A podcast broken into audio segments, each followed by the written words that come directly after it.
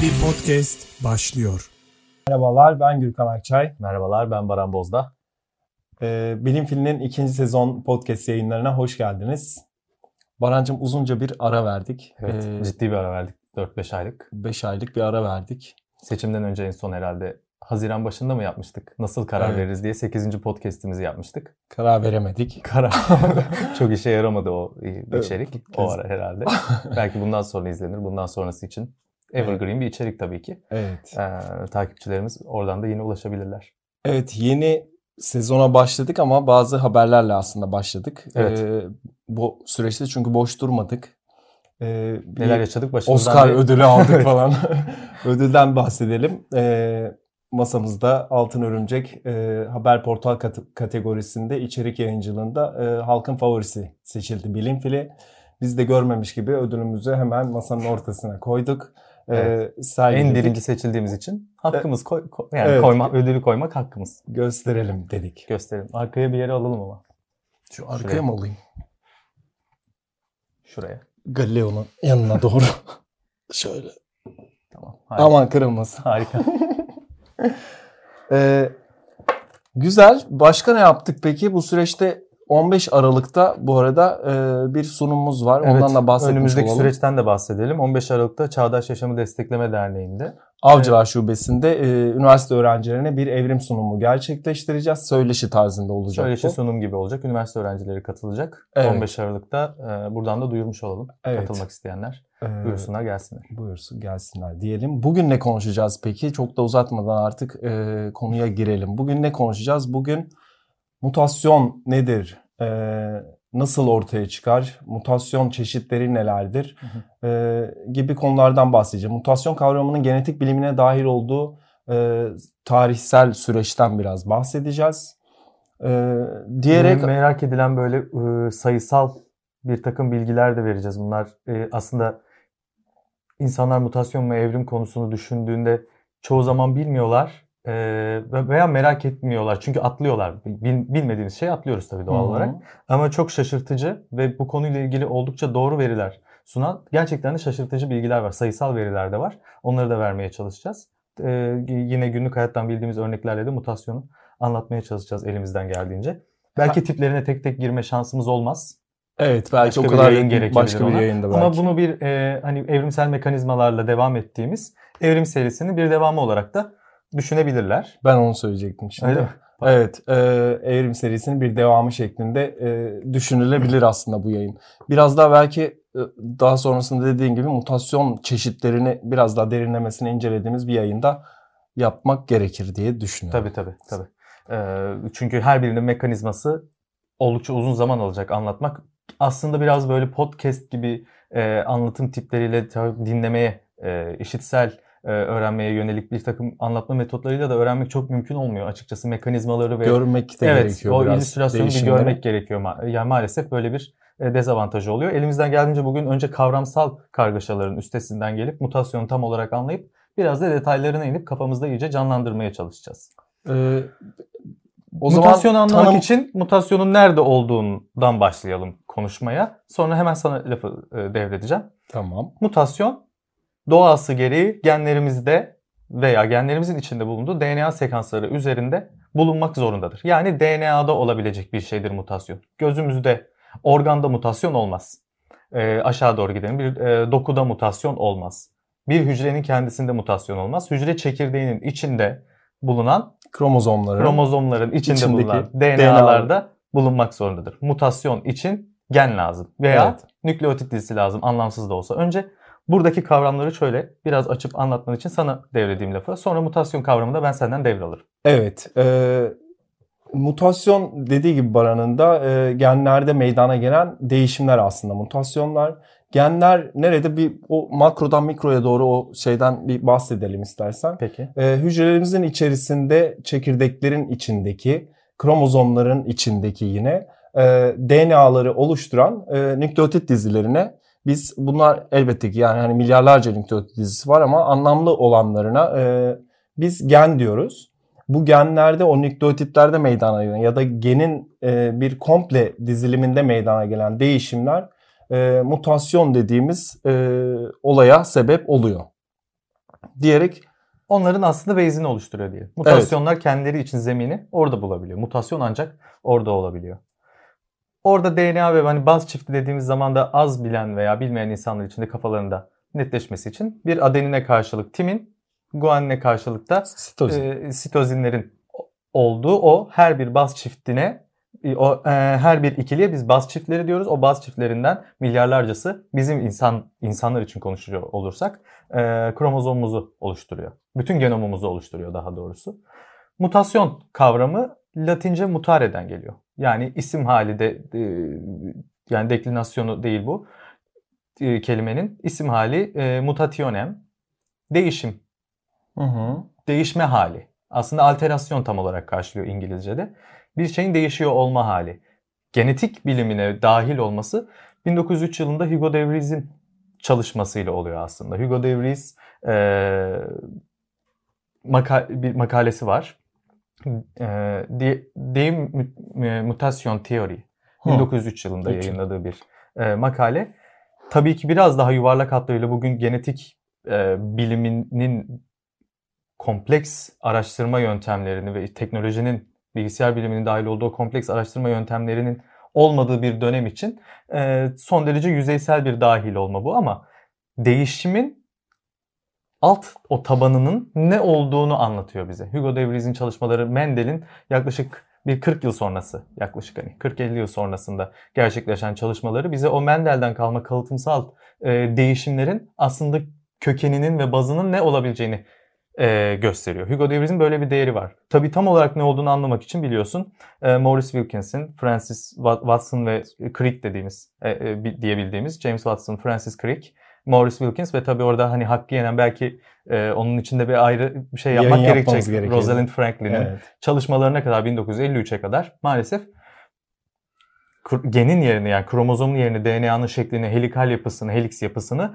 bilmiyoruz ve doğal olarak mutasyonu tam olarak nereye oturtacağımızı, diğer genetik bilgilerimizi tam olarak hangi tabana oturtacağımızı çok iyi bilmiyoruz. Ama 1903'te başlayan böyle bir mutasyonun artık e, literatüre dahil olmasıyla bu iş bilim tarihindeki net oturmuş yerini alıyor.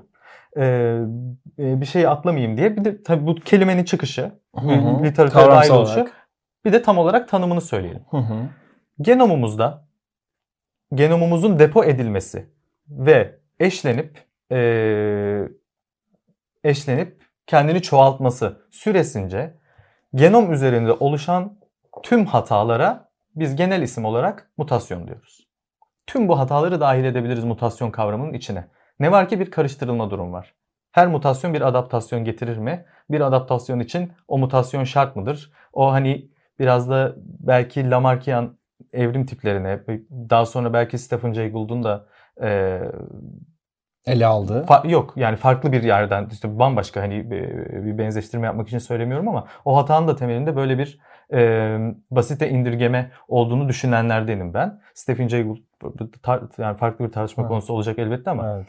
e, söylemek istediğim şey şu. Her mutasyon bir adaptasyon getirmek zorunda değil. Olmayabilir. Bu yüzden mutasyonun nerede olduğuna bakmamız gerekecek Evet. ve ne olduğuna bakmamız gerekecek. Ama tanım itibariyle mutasyonu anlamış olalım diye onu söylemek istedim. Ee, ben de hemen araya gireyim. Yani Lütfen. hani sen söylediğin kısımla ilgili mutasyonun e, nerede olması gerekir ki e, gelecek nesillere aktarılabilsin kısmı önemli. Burada Hı hı. mutasyon dediğimiz o değişimlerin ancak ve ancak eşey hücrelerinde eşeyli üreyen e, canlılar için söylersek eşey hücrelerinde meydana gelmiş olması gerekiyor ki e, spermde ya da yumurtada e, gözükmesi gerekiyor ki bir sonraki nesile bu e, genetik değişim aktarılabilmiş olsun. Somatik hücrelerde yani vücut hücrelerimizde meydana gelen mutasyonlar e, bir sonraki nesile e, aktarılmıyor. Ee, Bunu söylemekte fayda var çünkü bu anlamda hem evrime evrim karşıtlarının da özellikle e, evrime karşı saldırılarına temel yaptığı noktalardan bir tanesi bu. Her mutasyon e, zararlı mıdır ya da e, sadece zararlı mutasyonlar mı vardır ifadesine e, biraz da açıklık getirmiş olur. Onu zaten çok genel olarak böyle tüm hatlarıyla anlat, an- anlattığımızda, anlatmaya çalıştığımızda şeyler ortaya çıkacak zaten. O parçalar ortaya çıkacak Hı ve birleştiğinde bunun gerekli olmadığını göreceğiz. Hı hı, hı hı. Bunun için şeyi biraz düşünmek gerekiyor. Error and trial dediğimiz, deneme yanılma aslında Türkçe'ye çevirdiğimizde. Ee, evrim içinde geçerli bir şey. Evrim bir deneme yanılma yapıyor. Sürekli bunun içinde mutasyon diye bir e, hatalar dizisi, e, ard arda gelen hatalar dizisi yolunu takip ediyor. Nedir bu? Her mutasyonda aslında evrimsel süreçte bir deneme ve yanılma süreci başlıyor. Hı hı. Bir somatik hücrede de olsa, germline hücrelerinde de, üreme e, eşe hücrelerinde de olsa mutasyon bir bir e, genomun bir parçasında, bir noktasında veya bir belirli bir alanında gerçekleşiyor. Şimdi burayla başlayan bir değişim oluyor. Protein dizisinde değişim olabilir. Onları da anlatacağız birazdan. E, vücutta veya o hücrenin yapısında, dokusunda değişimler meydana geliyor veya gelmiyor. Hı. Tüm bunlarla bir deneme süreci başlamış oluyor. Aslında hücre seviyesinde başlıyor bu deneme yanılma süreci. O hücrenin o süreci başarılı atlatmasıyla da devam ediyor. Eğer başarılı atlatabilirsek ki bu çok düşük bir oran oluyor. Sonra dokuda, organda, mekanizmada ve tek hücreli canlı için konuşuyor olabiliriz ama çok hücreli bizim gibi çok hücreli canlılarda bütün canlının bu sefer o yaşamsal değişimi hayata e, hayatında e, koruyabilip koruyamadığıyla devam ediyor bu süreç. Bu da başarılı olursa bir de bu mutasyon artık germline üzerindeyse yani eşe hücrelerindeyse artık evrim onu o deneme yanılma sürecinden başarılı geçirmiş olacak derken bu sefer de üreme et, şeyine takılıyor. Hani bir de o bir de o canlının üremesi gerekiyor. Evet. Kendisindeki mutasyonu taşıyan bir offspring'i, bireyi, yavrusunu e, dünyaya getirmiş olması gerekiyor. Bu aslında çok katmanlı checkpointleri olan bir deneme yanılma süreci. O yüzden de bir mutasyonun başarılı olup zararlı da olsa başarılı olup bugünkü dünyadaki popülasyonlar içerisindeki yer, e, yerini edinmesi artık e, çok aşamalı, çok zor bir süreç. Çok da uzun bir süreç. çok- çok Eğer bir karmaşık e, bir Ciddi anlamda uzun bir süreç. şeye sahip bir canlıdan söz ediyorsak. Belki onun ufak bir hesabını da yapabiliriz birazdan. Ee, Olur nasıl tabii. hesaplanıyor? O formülasyonu nedir? Biraz Olur. onun üzerine de konuşuruz. Olur. Ee, mutasyonla ilgili şimdi yani hani hep zararlı mıdır mutasyonlar üzerinden gitmek istiyorum ben. Çünkü Hı hı. bununla ilgili bir e, kavram yanılgısı var genel olarak toplumda. Mutasyonların hep zararlı olduğuna dair ama biz e, her zaman zararlı olmadıklarını da gördüğümüz örnekler var. Bir örneği olarak da biz e, laktoz e, toleransını, intoleransını örnek olarak Tabii verebiliriz. tabii. Evet güzel bir örnek. Bildiğiniz üzere e, bebekler sütü kolaylıkla sindirebilirlerken e, yetişkinler sütü e, süte dair sindirememe durumu ortaya çıkıyor. Çünkü laktaz enzimi artık bir belirli bir yaştan sonra artık bireylerde e, üretilmemeye başlıyor ve kişi sütü sindiremiyor. Özellikle de Kuzey Avrupa'da ve Afrika'da bu durum e, sindirebilir şekilde görülüyor. Evet, çünkü E, çünkü bu, bu- evet bu, bunun sebebi de aslında şeyde meydana gelen mutasyon. bir mutasyon. E, mutasyon sonucunda ya aslında bir evet bir beceri kazanmış oluyor birey. Dolayısıyla hani mutasyonlar için her zaman e, kötü sonuçlara sebep olur demek de aslında doğru bir ifade olmaz. Hı hı. Burada istersen sen e, Ben de evet şimdi bu hani bir single- notlarıma bakayım ufacık neleri anlatmadın diye. E, Single nükleotit polimorfizme geleceğim. Laktaz örneği orada çok güzel bir örnek. Ee, şunu söylemek lazım.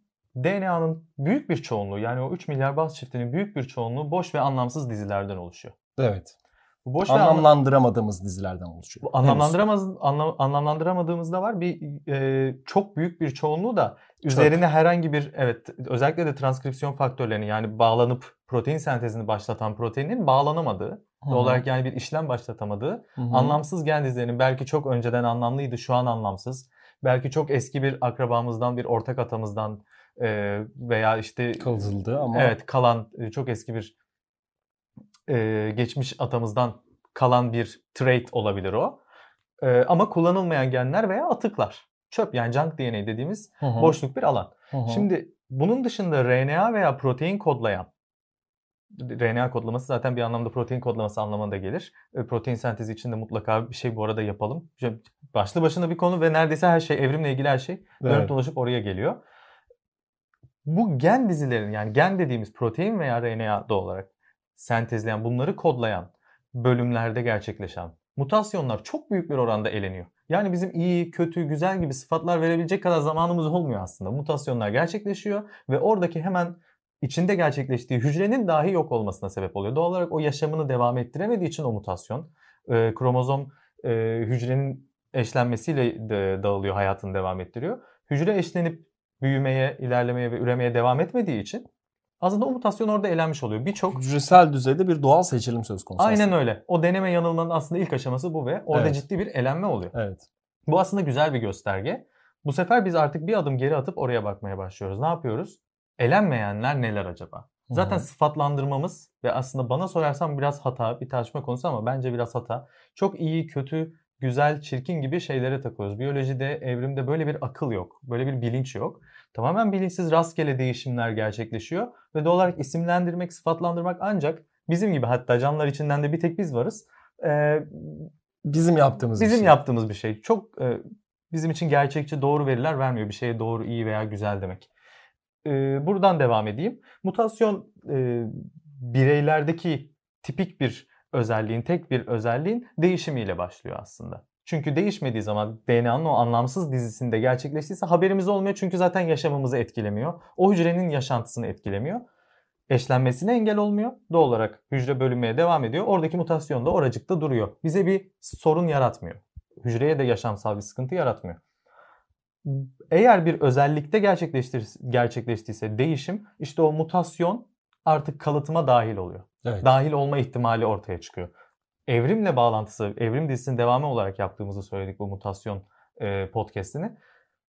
Bağlantısı da burada başlıyor. İşte evrim mutasyonla ilk kez e, burada mutasyondan burada etkilenmeye başlıyor ve bu mutasyonu ilk kez mekanizma olarak bu noktada kullanmaya başlıyor. Bir trait'in yani fenotipin yani bizim fiziksel morfolojik bir takım özelliklerimizin Hı hı. sentezlediğimiz proteinlerin değişiyor olması lazım. Burada evrimsel süreç başlıyor. Bu arada bir e, bu mutasyonun ne olduğunu anlamamız için senle bana bakmamız lazım. Yani aynı türe ait iki bireye bakmamız lazım. İki birey arasında mutasyonun yer edinip edinmemesi durumunu e, biyolojide fixed difference yani e, fikse edilmiş, ye- yeri sabitlenmiş farklılıklar olarak anlayabiliriz. Bu ne demek? Bir değişim gerçekleştiği andan itibaren iki türün bir türün içerisindeki iki birey arasındaki bariz bir farkı belirtiyor olması lazım. Sen de böyle, ben de böyle Evet. gibi. Ne var ki bunları göz rengi, saç rengi gibi şeylerde görmemiz mümkün değil. Çünkü bunlar birden fazla genin aktive olarak ortaya çıkarttığı fenotipler. Ama tek bir genin bir ürettiği bir protein olabilir. Laktaz bunlardan birisi. Evet. Yani e, laktaz enzimi bunlardan birisi. Vücudumuzdaki cyclinler bir şey olabilir, CDK'ler bir şey olabilir. Yani herhangi bir protein için konuşuyoruz. Herhangi bir proteindeki bir değişim aslında bir tek özellikteki bir değişme anlamına gelir. Hemen ben ona bir örnek vereyim Olur istersen. lütfen. Ee, mesela bazı maymunlarda TRIM5 denen bir protein var. Ee, bu protein HIV'e karşı e, yani bu proteine sahip maymunlarda HIV virüsü kolaylıkla yayılabilirken e, bir mutasyon gerçekleşiyor bu proteinde ve e, proteine çok yakın e, bir parçanın ortaya çıkmasıyla e, TRIM5 SIPA, SIPA demek herhalde ya da CYPA diye CYPA söyleyelim okuyoruz. hani yazılımını söyleyeyim. Ee, bu proteinin ortaya çıkmasına sebep oluyor ve nihayetinde de iki maymun grubu bu kez ortaya çıkıyor. Ee, bir tanesi HIV'e karşı dirençli hale gelmiş oluyor. Tek bir proteinde ortaya çıkan bir mutasyonun e, sebep olduğu bir aslında evrimleşme diyebiliriz buna. Çünkü iki farklı maymun e, grubunun ortaya çıkmasına sebep oluyor. Hı hı. Ee, dediğin gibi yani tek Evet. bir protein düzeyinde de görülebilir mutasyon ve bu e, daha büyük organizma düzeyinde de e, hayati belki bir duruma da sebep oluyor olabilir. Olabilir. Ee, bu kısmını çok uzatmadan Hı fixed hı. difference üzerinden biraz önce söylediğimiz o hesaplamaya girelim istiyorum. O işin biraz zevkli kısmı çünkü. Tamam. Ee, fix, fixed difference için bizim ikimize ait 3 milyar baz çiftli bütün genomu alıp karşılaştırma durumumuz bu. Normalde bugün insana en yakın e, maymun türleriyle insan arasındaki yani şempanze ve bonobolarla işte insan arasındaki farklar %1,5-2 diye konuşuluyor. Ge- Bütün genomun farkı bu. Ama genomun içinden küçük parçaları almaya başladıkça yani şöyle söyleyeyim birer kromozomu alıp karşılaştırdıkça bu fark daha da küçülüyor. Binde bire düşüyor. Daha küçük bir parçayı aldıkça 10 bin, 100 bin nükleotitlik kısımları aldıkça bu fark daha da azalıyor. Belki şöyle 50'şerlik yeri alsak bakacağız aynı. Hiç fark görmeyeceğiz gibi. Ya aslında bu çok önemli evrimsel açıdan. Ne demek? Aramızda fikse olup sabitlenip bizlerin farklı türler olarak evrilmesine sebep olmuş tüm farklılıklar zaman içerisinde az belli bir zaman önce aynıydı. Aynı kökenden ortaya çıktı. Bunu balıkların, ya embriyolojide özellikle ta balıklarla hatta C. elegans dediğimiz Ee, Solucan, evet, solucanvari ilk e, kurtçuk. ilkel e, şeylerle, e, ökaryotik canlılarla direktman e, gözlemleyebiliyoruz. Ortak hala çıkarttığımızda aynı baz sekanslarına sahip e, DNA alanlarımız var. Şimdi bu çok güzel bir belirteç aslında. Mutasyonun evrimle nasıl evrime nasıl yön verdiğini, evrimin nasıl bir mekanizması olduğunu aslında anlatıyor bize. Bir fixed difference oluşması için yani yerleşmiş birey içindeki çeşitliliklerden bir tanesinin bir mutasyona bağlı bir değişikliği e, anlamak için yapılan bir e, matematiksel hesap bu. Tek bir değişiklik olduğunu varsayalım genom üzerinde. Bu hı hı. en sayıda birey içeren bir popülasyonda gerçekleşsin. Bu durumda alel frekansı yani o değişmiş olan e, genin. genin popülasyon içerisindeki frekansı 1 bölü 2n oluyor.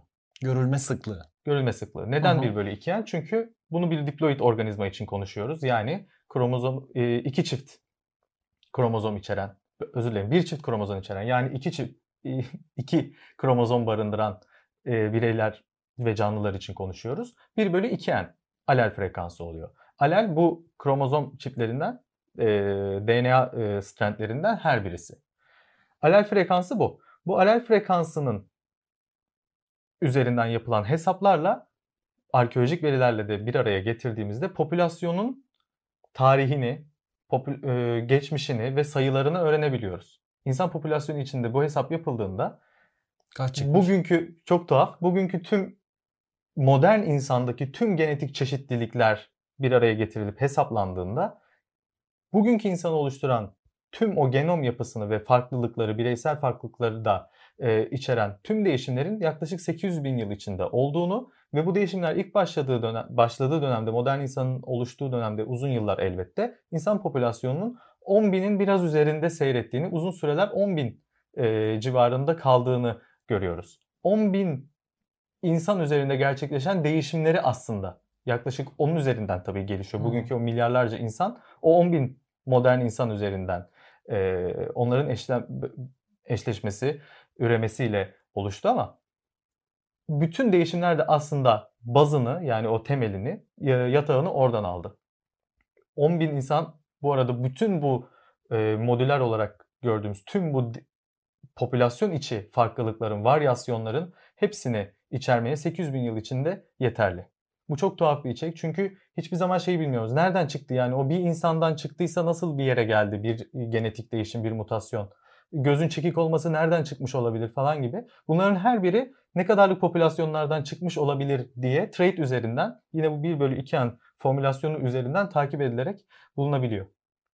Bu, bundan çok bahsetmek istedim çünkü merak etmediğimiz bir şey İlginç şey aklımıza evet, gelmiyor. Evet. İnsan bugünkü değişik haline nasıl geldi, ne kadar gün ne kadar süre çıktı. aldı. Çok tuhaf gerçekten en ilkel halimizde hala e, göçebeyken, hala avcı ve toplayıcıyken. Ta ki tarıma kadar. Tarıma kadar, 15 bin yıl önceye kadar. Fikse edildiği zaman bu arada çok güzel, araya girmen iyi oldu. 15 bin yıl öncesi. Yani ilk tarımsal aktivitenin başladığı, e, herderların ilk kez bu işleri yapmaya başladığı 15 bin yıl öncesine sabitlenmiş. Ondan önceki 800 bin yıla bakıyoruz. Şimdi biraz mutasyon tiplerinden e, tekrar bir aldığım notlara bakayım. Atlamayayım bir şey. E, mutasyon tiplerinden bunların nasıl ortaya çıktığından sonra da genomumuz bu mutasyonları düzeltmek için Hı. nasıl mekanizmaları evet. kullanıyor? Yuvarlak hatlarıyla bunlardan bahsedelim. Onlarla da değinmiş olalım. Sonra da toparlayalım zaten. Sonra da toparlarız. Hı hı. Şimdi bütün sperm ve yumurta oluşumu süresince gereken bölünme sayısı düşünüldüğünde yani biz ürememiz için gerekli olan e, sperm ve yumurta miktarını üretmek için bunların ana hücrelerinden gerçekleşen bölünmeler sırasında mayoz bölünmeler mayoz bölünmeler sırasında ortaya çıkan mutasyon oranı yaklaşık 1 milyar bazda 1. Çok düşük bir oran. Düşük bir oran. Evet. Ama ürettiğimiz sperm ve yumurta sayısını düşündüğümüzde bu mutasyon sayısı uçuk evet. rakamlara varabiliyor. Evet. Bu mutasyonlardan hayatta kalabilenler bizim sperm ve an, e, yumurta an, ana hücrelerimizden aktarılırken oluşan mutasyonlardan hayatını devam ettirebilenler o sperm veya yumurtayı öldürmediyse bir de eşli, eşlendiğimizde, çiftleştiğimizde kullandığımız sperm ve yumurta oysa artık Hı-hı. gelecek nesillere aktarıyorlar. O trait, o özellikler, o mutasyonlar gelecek neslimizi, yavrumuzu öldürmüyorsa artık popülasyona dahil olmuş oluyor. Bir alel frekansı olmuş oluyor ve e, popülasyon içerisinde nesiller boyunca da devam ediyor. Devam etme ihtimali oluyor. Evet. Şimdi e, nasıl peki araya gireyim hemen. Lütfen. E, çeşitlerini söyleyelim. Yani hani yüzeysel bir üzerinde durmuş olalım. Yani ne tür Çok mutasyonlar var? İşte nükleotitlerde nasıl değişimler ya da gen düzeyinde nasıl değişimler olunca biz buna e, işte bu bir mutasyondur diyoruz. E, çeşitlerine de bir değinelim istersen. Tamam. En önemlisi ve en başta e, gerçekleşen, çok yüksek oranda gerçekleşen şunları elimden bırakacağım. Hı hı. E, DNA eşlenirken olan yani iki e, hani fermuar gibi daha önce Evet. evrim konusunu anlatırken konuşmuştuk. Telomerde de konuşmuştuk. Fermuar gibi iki e, Zincir. zincirden oluşan iki birbirine eş, birbirini eşleyen daha doğrusu birbirine karşılık gelen zincirden oluşan bu yapı açılıyor. Hı hı. Açılınca bunun yanına bir tane, bunun yanına bir tane gelerek Kopyası. kopyası oluşturulmuş oluyor. Eş kopyası. Bunların oluşması için her baz çiftine bir her baza bir karşılık baz yerleştiriliyor. Adeninlere karşı, timinler guaninlere karşı, sitozinler sitozinlere karşı, guaninler timinlere karşı da adeninler şeklinde. Bu DNA'nın 5'ten 3 yönüne gerçekleşen bir şey. Bunu yapan da DNA polimeraz dediğimiz bir enzim. DNA polimeraz bu ba- buna bağlanarak o ortamda serbest halde dolaşan adeninleri, guaninleri, sitozinleri ve bazıları da hatalı olanları çünkü bütün moleküllerde mükemmel üretilmiyor doğal Evet. olarak. Hatalı olanları da dahil olmak üzere buraya 5'e 3 yönünde birleştirmeye başlıyor. Birleştikçe birleştikçe o milyarlarca baz kendilerine karşılıkları buldukça bir yeni fermuar çifti, diğer taraftan da bir yeni fermuar çifti Hı hı. oluşuyor. Yuvarlak hatlarıyla eşlenme bu. Bu eşlenme sırasında adenin, timin ve guanin, sitozin için tek tek konuştuk. Her biri için gelen farklı veya hatalı bir baz Baz. Orada, o noktada bir mutasyon oluşturuyor işte. Düzeltme de bunun üzerinden yapılıyor aslında. Orayı da en son düzeltmeleri anlatırken yine söylerim. Burada bir mutasyon oluşuyor. Hata kaza bu mutasyon fark edilmeyip birleşmeye de engel olmazsa devamı da geldiği için bütün baz çifti oluştuğunda arada böyle birer ikişer tek nükleotitin değiştiği, tek nükle- nükleotitin hatalı olduğu mutasyonlar ortaya çıkıyor. Bunlar birer mutasyon. En fazla karşılaştığımız mutasyon tipi bu. Point mutasyonlar. Point mutation dediğimiz Evet. nokta mutasyonu yani. Baktığımızda oradaki nükleotit çiftinin hatalı olduğunu görüyoruz. Evet, Hı hı. Laktazı da hemen buradan açalım parantezini geri döneyim. Hı hı. Ee, sen söylemiştin onu. Laktaz, laktoz intoleransı da aslında buradan ortaya çıkan bir şey. Onun için mutlaka ayrı bir e, içerik Yayın mutlaka hazırlarız. yapalım. E, hatta bir video içerik olursa çok iyi olur. Laktoz e, e, sindirmemizi sağlayan Enzim. Laktaz enzimi bir genler dizisinde yani e, tek bir genden üretilmiyor. Hı hı. E, bir gen dizisi e, üzerinden bu bir downstream'indeki farklı proteinlerden ortaya çıkan bir gen. Şey protein. E, laktaz enzimini üretemeyen yani daha doğrusu anne sütünden sonra hemen sentezlemesini kesen, Kesen. insan grupları var. Bu e, mesela Asya, Asya'nın güneyi, Doğu Asya'da böyle. Orta Asya'da hala biraz devam ediyor. Daha az yaşlarda. Kuzey Avrupa'da e, kesilmiyor, üretilmeye devam ediyor. Onun bir haritası var. Onu da mutlaka paylaşırız. Hı hı. E, laktazın laktaz enziminde e, görülen durum bu. Single nükleotit polimorfizm denen şey ortaya çıkıyor.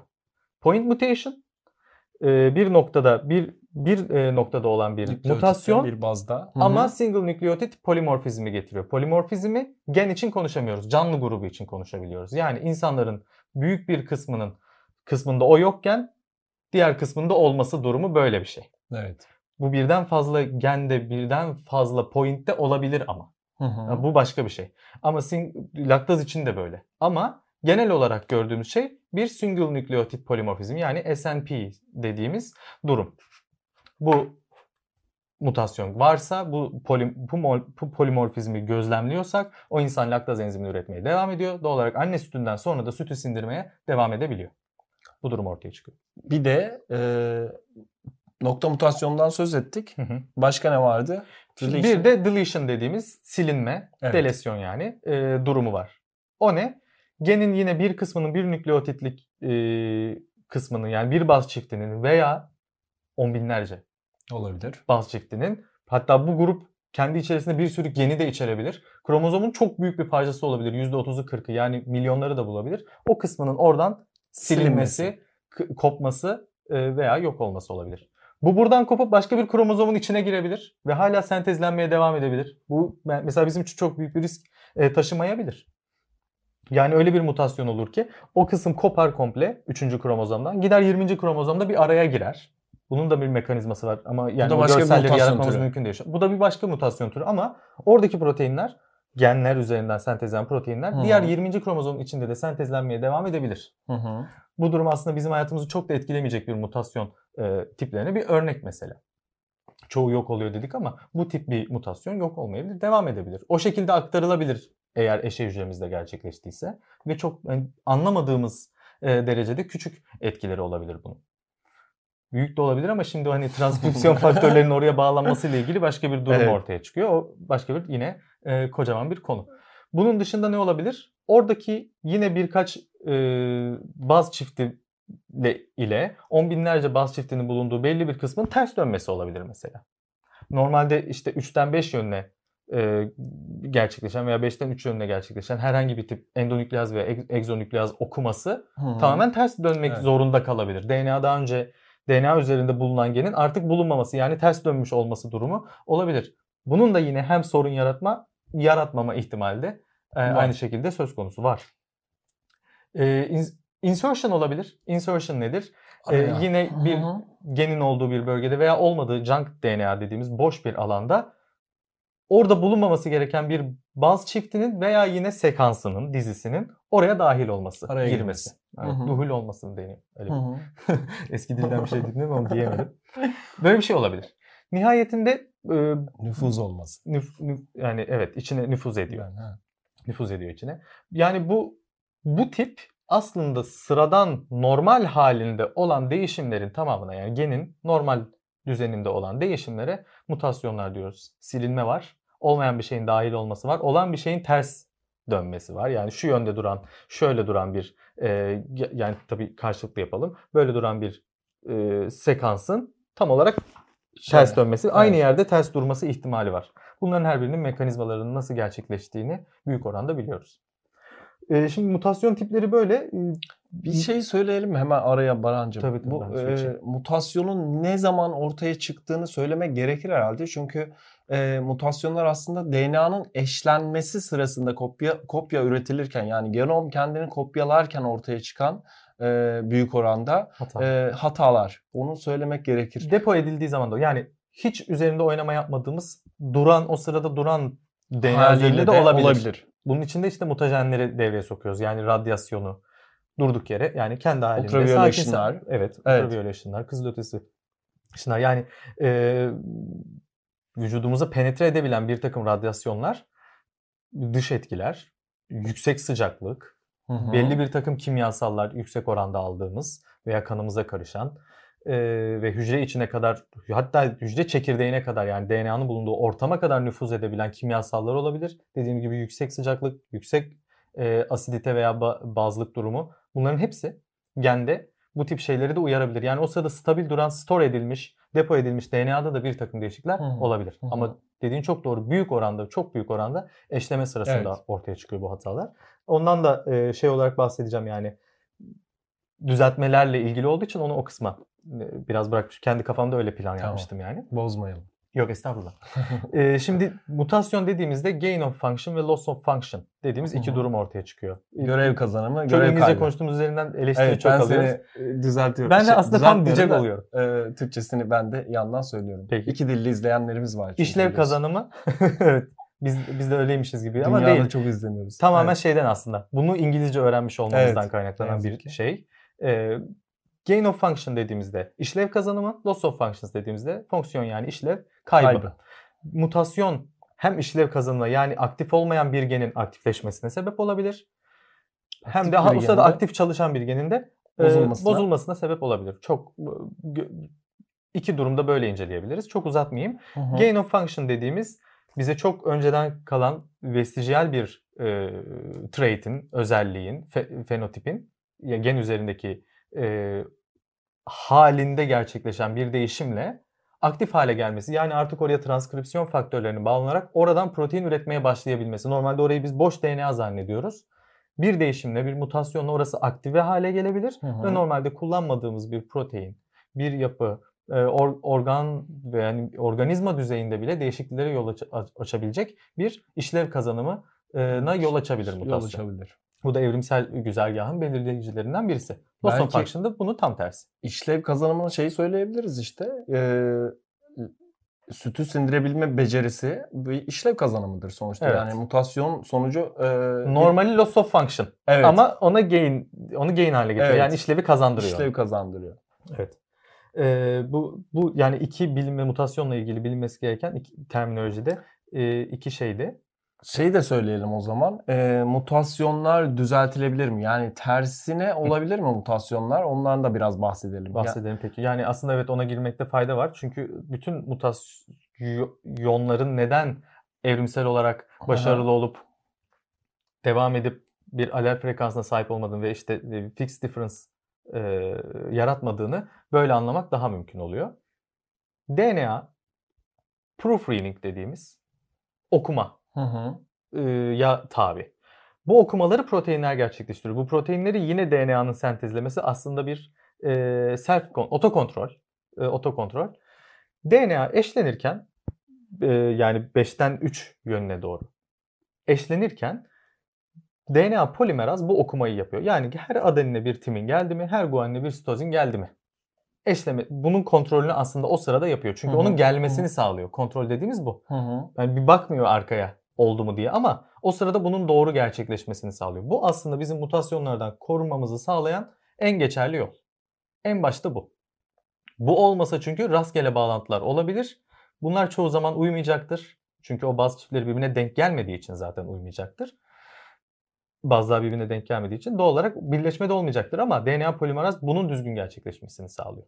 DNA'nın bir kontrol mekanizması var aslında kendi Ür- içerisinde. üretmesi, kendini eşlemesi aslında aynı zamanda bir kontrol mekanizmasıdır. Hem de en Hı geçerlisidir. hı.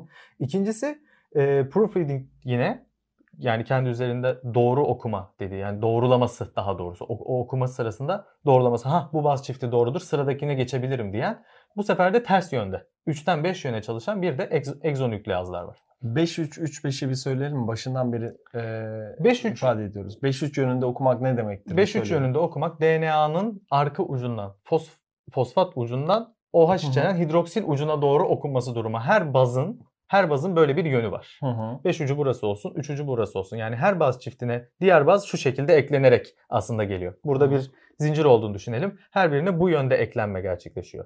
İşte bu 3'ten 5 yönüne de yani ters yöne de okuma yapan egzonükleazlar var. Yani siz fermuarın etrafını bir proteinle kapatmışsınız da normalde gitmesi gereken yönden tam tersi yönde okuma yapan acaba buralarda bir hata var mı diye tarama yapan bir de egzonükleazlar var. Tamam. Bunların aktivitesi de gerçekleştiği ve eğer DNA polimerazın ilk anda o üretim aşamasında anlamadığı şeyler varsa, fark etmediği hatalar varsa bunları düzeltmek. Bu da ikinci ve etkili yollardan Bir tanesi. bir, bir tanesi.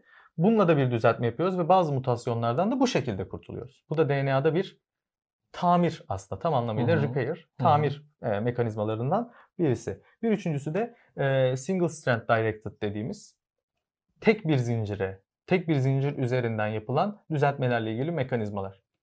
Bunu yapan yine proteinler. Bu proteinleri yine bizim DNA'mız sentezliyor ama e, orada yine bir mismatch varsa yani yanlış eşleşme Söz e, konusuysa. söz konusuysa tek bir dizi üzerinde bunu anlayıp düzeltme e, yapa- yapabildiğimiz mekanizmalar var. Dedi, bu kısmı zaten başlı başına bir konu. E, hatta Aziz Hoca'nın da e, Aziz Sancar'ın. Aziz Sancar'ın da asıl e, çalış yani kimya hani alanı çalıştığı alan DNA repair e, mekanizmaları. Bu tamir mekanizmaları aslında. Ondan da öğreniyoruz. E, bilim dünyası da hala bu mekanizmaların derinlerini, bunların yerine neler koyabiliriz? Çünkü bir takım hastalıkların kanser başta olmak üzere sebebi bu düzeltme mekanizmalarının eksik veya iyi çalışmaması veya yeterli olmaması gerçekleşen mutasyonları düzeltmeye yetecek e, güçte ve Olmayış. verimlilikte olmamasından kaynaklanıyor. Olmayabilir çünkü çok yüksek oranda mutasyon e, gerçekleştiyse. E, bunlar da tek bu Düzeltme hücresel bazdaki süreçleri. teknikler, düzeltme süreçleri. Tabii yani burada mutasyon en başta tarihinden bahsettik. Bizim bir taraftan da bilimsel literatürün içine dahil edilmesini sağlayan aslında çok değerli iki bilim insanı var. Hı hı. Benim Onlardan de geçmiş edelim. olmasına rağmen dönüp okudum ve onlardan gerçekten bahsetmek istedim çünkü çok önemli. Hı hı. 20. yüzyılın ilk çeyreğinde yani 26-27 de dahil olmak üzere makalelerin tarihleri. ilk çeyreğinde 1903 ilk başta konuştuğumuz e, diye mutasyon teori e, Hugo de Vries''nin de Vries'in e, şeylerinden sonra, şey, maka- makalesinden sonra bu alanda çok dikkat çekiyor ve ciddi araştırmalar yapılıyor. Hatta fizyoloji e, tıp dalında 1933'te Nobel alan e, Thomas Hunt Morgan bu alanda çalışma yapanlardan birisi. 1915'te e, sex-linked hereditary üzerine yani e, Cinsiyet- seks gen, cinsiyet Evet. genleri Bağlı. üzerinden hı. bunlara bağlı, bunlar üzerinde tanımlanmış e, mutasyonların aktarılması üzerine bir çalışma yapıyor ki o sırada dediğim gibi 1953'te öğreniyoruz e, DNA'nın helical şeklini. O tarih bilmediğimiz tarihlerde e, bunu e, Mendelian inheritance yani o Mendelian kalıtım teknikleriyle drozofilalar üzerinde çalışarak yani Meyve meyve sinekleri. sinekleri üzerinde çalışarak Drosophylla melanogaster adları Aha. onlar üzerinde çalışarak e, gösterdi. Bu çok kıymetli çünkü evet hızlı bölünüyorlar. 4 kromozomları var. Kısa sürede çok fazla jenerasyon e, üretmek ve değişimleri gözlemlemek, mutasyonları ve evrimini gözlemlemek mümkün olduğu için e, doğru hayvanlarla çalışmasını da verdiği e, bir şey bu. Kazandırdığı bir şey. 1916 yılında da Mendelian kalıtım çalışmasıyla bu ikisinin eşlenmesi yani bu iki çalışma temelde e, 1933'te kendisine e, Nobel'i getiriyor. Yine e, çok önemli bence e, Hermann Josef Müller var. Hermann Josef Müller 1926'da Arizona State'te çalışmaya başlıyor. Hı. E, şey özür dilerim Texas Arizona'daki Austin. e, şey Austin'daki University of Texas Texas'ta çalışmaya başlıyor. 1926-27 e, süresince yaptığı çalışmalarda da bir genin artifisyal mutasyonu üzerine çalışıyor. Bu aslında geni öğrendikten sonra daha büyük anlam kazanan bir çalışma. E, artifisyal mutasyon ne demek? Yapay olarak Yapay. bizim gerçekleştireceğimiz mutasyonlar. Bunu radyasyonla yapıyor. Yine drozofilalar, meyve sinekleri üzerinde çalışıyor.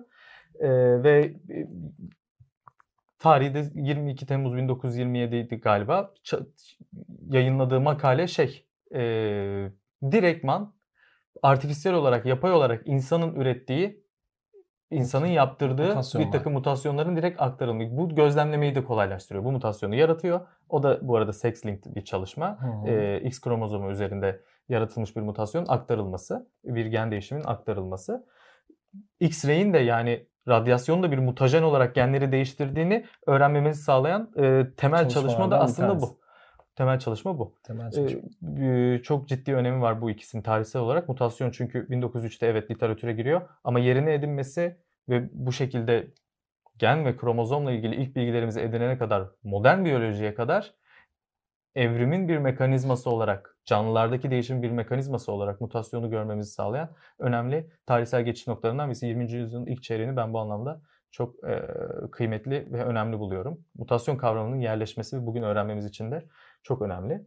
Benim yani genel hatlarıyla söyleyeceklerim e, mutasyonla ilgili bunlar. Açacak çok şey bıraktık. E, farkındayım. Evet. Yani mutasyon hani tipleri bayağı bunlar. yayın biriktirdik yine. Evet. Mutasyon tipleri bunlardan birisi olacak mutlaka. Ee, ne, nelerdir? Çeşitleri nelerdir? Mekanizmaları nelerdir? Biraz daha görsel destekle belki çizerek belki büyük belki görsel çıktılarını alarak e, kameraya göstererek o, o şekilde yapabiliriz.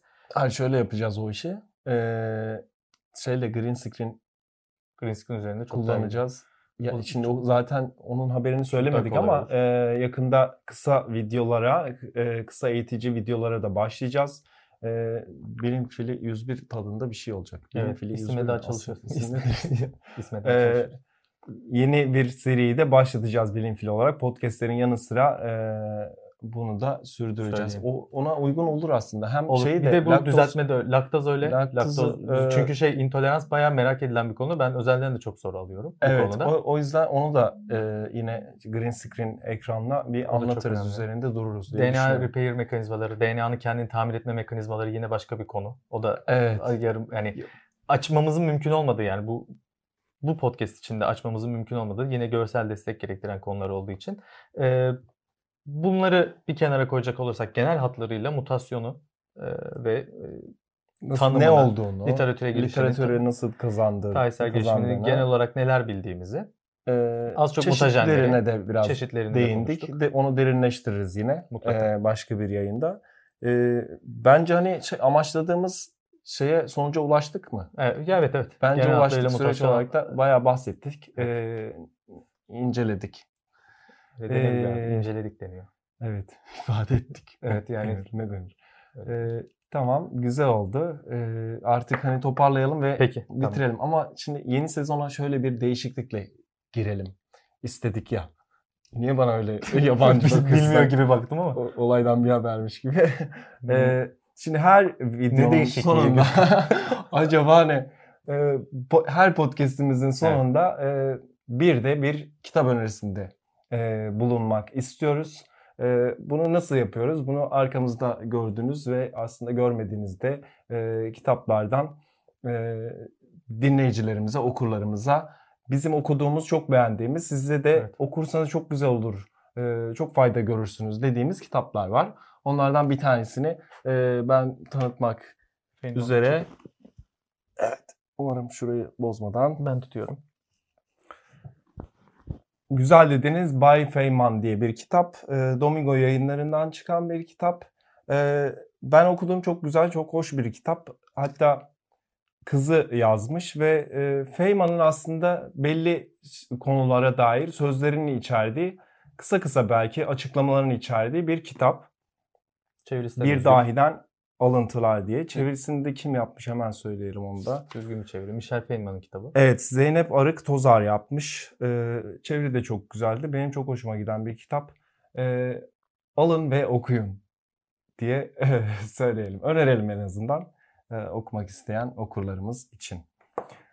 Ee, bardaklarımızı, kupalarımızı e, yapan Pot Seramik Evet, sevgili e, Başak'a karan buradan şeyi- teşekkürlerimizi iletiyoruz. Renklendiriyor ortamı çok güzel gerçekten. Evet bir de logo renklerimize uygun ya. Evet. Hani ayrıntıyı yakalamışsındır. Ee, bir de arkada figürlerimiz var. Keçeden yapılmış tamamen. Ee, onu da Şu ikisini Keçeli Köy. Ee, bir tanesi çok tatlı. Mendeleyev.